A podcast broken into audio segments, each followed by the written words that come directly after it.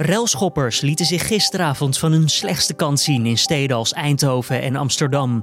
Demonstraties tegen de coronamaatregelen liepen uit op pure chaos, waardoor de ME hardhandig moest ingrijpen. We blikken deze middag terug op gisteravond en kijken vooruit op vanavond met binnenlandverslaggever Job van de Plicht, die bij het veiligheidsoverleg is in Utrecht bij de burgemeesters. Dit wordt het nieuws. Uh, ze willen er vooral niet al te veel op vooruit lopen. En misschien is dat ook wel verstandig, omdat je dan uh, dat soort rellen ook zou voeden. Uh, ik heb wel het idee, en dat zeggen ze ook, dat ze er klaar voor zijn.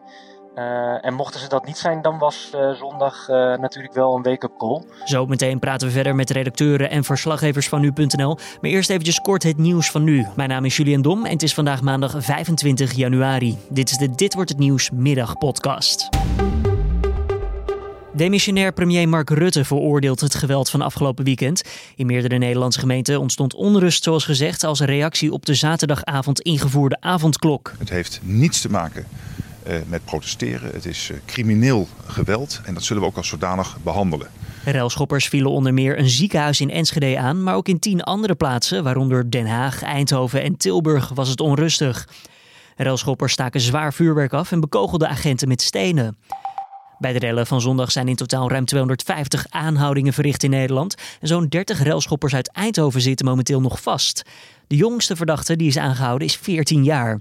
De politie spreekt over een ongekende hoeveelheid geweld. Meer arrestaties worden niet uitgesloten. Vrijwilligers zijn in Eindhoven vanochtend aan de slag gegaan om te helpen bij het puinruimen na de rellen. Vooral veel glas werd opgeveegd vanwege de vele winkelruiten en bushokjes die gisteravond gesloopt werden. Deze man vertelt tegen Omroep Brabant waarom hij besloot te helpen. Ik zeg vanavond tegen mijn kinderen, ik ben vandaag mee op gaan ruimen. En daar heb ik een beter gevoel bij als ik steen heb staan te gooien van gisteren. En op verschillende sociale media zijn ondertussen berichten opgedoken waarin wordt opgeroepen om maandagavond opnieuw te protesteren tegen de avondklok. En dat betekent mogelijk ook opnieuw rellen. Onder meer Hengelo, Nijmegen, Deventer en Enschede worden genoemd als potentiële locaties. En gemeenten nemen de berichten serieus en de politie bereidt zich voor. Dan ook nog ander nieuws. Ja, het tempo waarmee we vaccineren in Nederland zal dalen, omdat farmaceut AstraZeneca in het eerste kwartaal minder doses van het coronavaccin kan leveren dan afgesproken. Dat zegt minister Hugo de Jonge van Volksgezondheid. Nederland rekende op forse leveringen in het eerste kwartaal, maar daar gaat nu dus een streep doorheen. Wel verwacht de minister alsnog dat het lukt om iedereen in Nederland voor de herfst te vaccineren.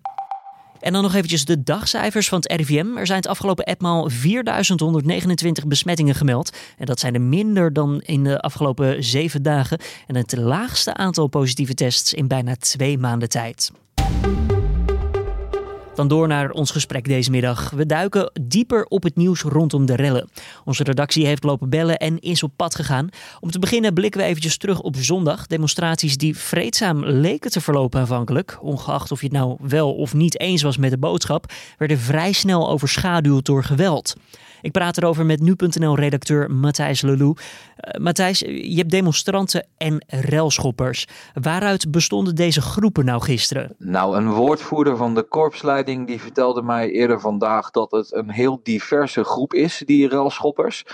Uh, bij de demonstraties in Amsterdam en Eindhoven was het uh, zo dat er aanvankelijk een soort van mengsel was van uh, demonstranten die het demonstratieverbod negeerden, maar verder geen kwaad in de zin hadden. En groepen die echt uit waren op confrontaties met de politie en op vandalisme en brandstichting. die laatste groep, volgens de politie, zijn daar veel jonge mannen tussen. Dat is misschien ook niet heel erg verrassend. Dat was ook op de beelden wel te zien.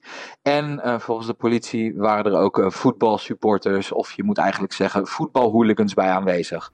Ja, en die waren er dus enkel en alleen om, ja, simpel gezegd, herrie te veroorzaken. Dat klopt. Uh, die waren in uh, sommige gevallen ook bewapend. Uh, er waren op voorhand waren er in Amsterdam en in Eindhoven aanwijzingen.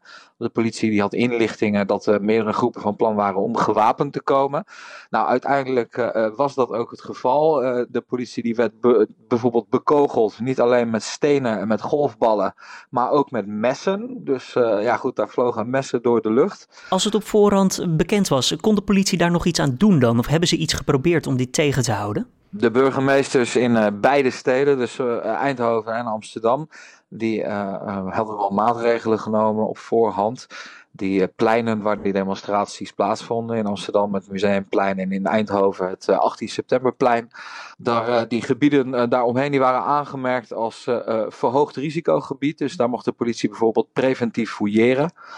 Uh, maar goed, ja, als er uh, opeens een groep aankomt en die hebben wapens bij zich, dan is het maar net een vraag als het daar al los is gegaan rond zo'n plein, of dat preventief fouilleren dan, dan nog zoveel helpt. Ja, de railschoppers, kunnen we dan uiteindelijk ook stellen dat zij in de meerderheid waren tegenover de demonstranten die daar gewoon waren om, ja, omdat ze het niet eens waren met de coronamaatregelen? Dat was in Eindhoven en in Amsterdam uh, aan het begin van de demonstraties moeilijk te zeggen. Want er waren ook gewoon echt mensen die uh, alleen kwamen om, uh, zoals ze het zelf zeiden, koffie te drinken op die pleinen en te demonstreren. Toen was de sfeer nog gemoedelijk, als het ware. Ja, het, het begon, het begon redelijk, zeg maar. En daarna escaleerde het snel. En dat gebeurde eigenlijk vooral op de momenten dat in Amsterdam en Eindhoven werd besloten om die pleinen schoon te vegen en die demonstraties te beëindigen. Omdat de coronamaatregelen daar niet meer werden gevolgd. Ja, en uh, vanaf toen ging het eigenlijk snel bergafwaarts. En je mag aannemen dat veel van die demonstranten die vreedzame bedoelingen hadden, toen terug naar huis zijn gegaan. En dat uh, vooral de relschoppers overbleven. Dankjewel Matthijs Lelou, redacteur hier bij nu.nl. Dan door naar de situatie zoals deze nu is. Binnenlandverslaggever Job van der Plicht is in Utrecht bij het Veiligheidsberaad met de burgemeesters en minister van Justitie.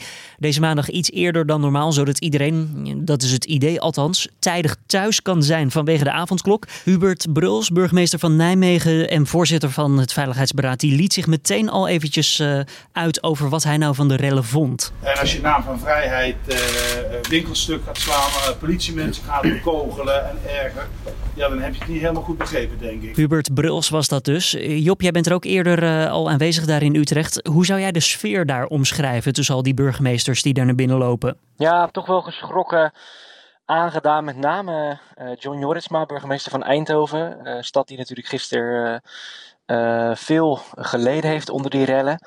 Um, met name hem vond ik aangedaan. Um, en andere burgemeesters, ook burgemeesters bij, bij wie in de stad niet gereld is. Die waren toch ook wel geschrokken en um, van mening dat dit echt alle perken te buiten ging. En alle grenzen hiermee overschreden zijn. dus dat dit moet stoppen. Ja, burgemeester Theo Weterings van Tilburg die liet zich ook nog eventjes eh, stevig uit over de rellen. Er zijn burgerslachtoffers die gewoon ruiten ingeslagen hebben gekregen en gewond raken. Je doet elkaar die ellende niet aan. Job, vonden de burgemeesters dat er vooraf voldoende maatregelen waren genomen om ja, in principe die ongeregeldheden te kunnen voorkomen? Ja, de meeste wel ja. Um, ze lieten zich daar ook niet allemaal even goed over uit, maar uh, de meesten die zeiden wel dat ze, dat ze goed voorbereid uh, hierop. Um, burgemeester Theo Weterings van Tilburg, uh, die zei wel dat het hem um, ja, toch wel een soort overvallen had. Maar je gaat niet vernielingen aanrichten in de stad.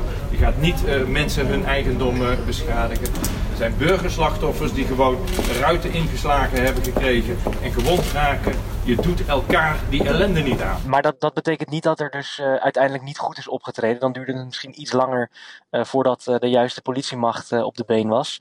Um, maar in principe waren ze wel voorbereid op rellen. Maar ja, dit soort zware rellen, ik weet niet of iedereen daarop voorbereid was, nee.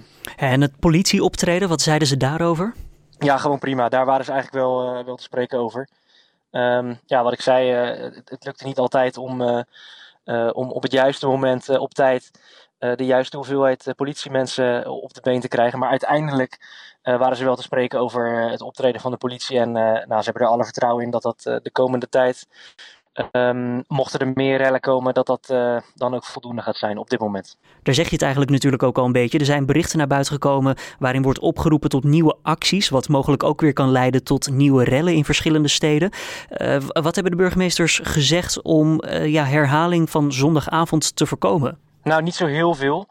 ze willen er vooral niet al te veel op vooruit lopen. En misschien is dat ook wel verstandig, omdat je dan dat soort rellen ook zou voeden. Uh, ik heb wel het idee, en dat zeggen ze ook, dat ze uh, er klaar voor zijn. Uh, en mochten ze dat niet zijn, dan was zondag natuurlijk wel een wake-up call. Dus ik denk dat ze, dat ze er klaar voor zijn. Er, ze zeggen ook allemaal dat de juiste hoeveelheid politieagenten klaar staat. ja, en, en meer dan afwachten kunnen ze dan ook niet doen, denk ik. Soms hoor je ook de roep om het inzet van het leger. Is daar iets over gezegd? Nee, daar is voorafgaand aan het Veiligheidsberaad niets over gezegd.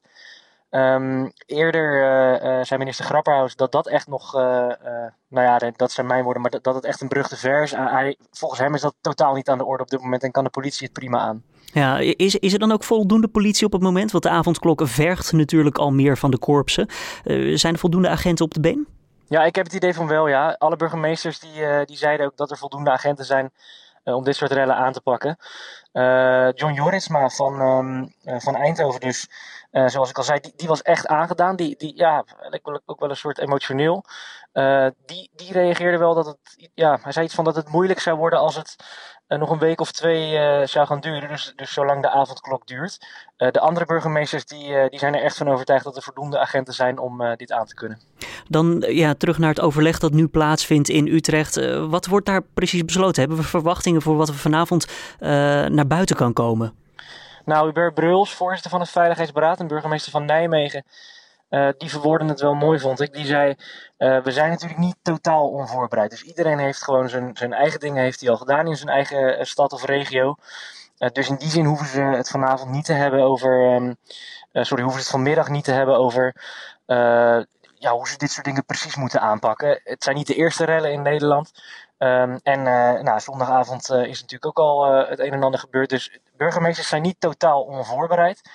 Maar ja, het, het is natuurlijk wel een, een, een, betrekkelijk nieuw fenomeen dat er in zoveel verschillende plaatsen er ineens ongeregeldheden opduiken. Dat wordt natuurlijk aangezwengeld via, via social media.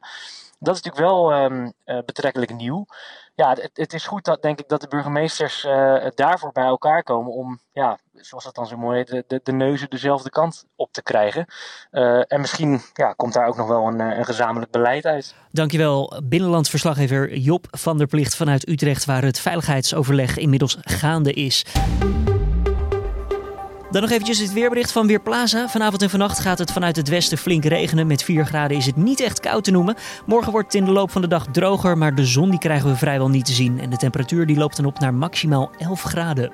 Dit was dan weer de Dit wordt het nieuws middagpodcast van maandag 25 januari. Tips of feedback zijn altijd welkom.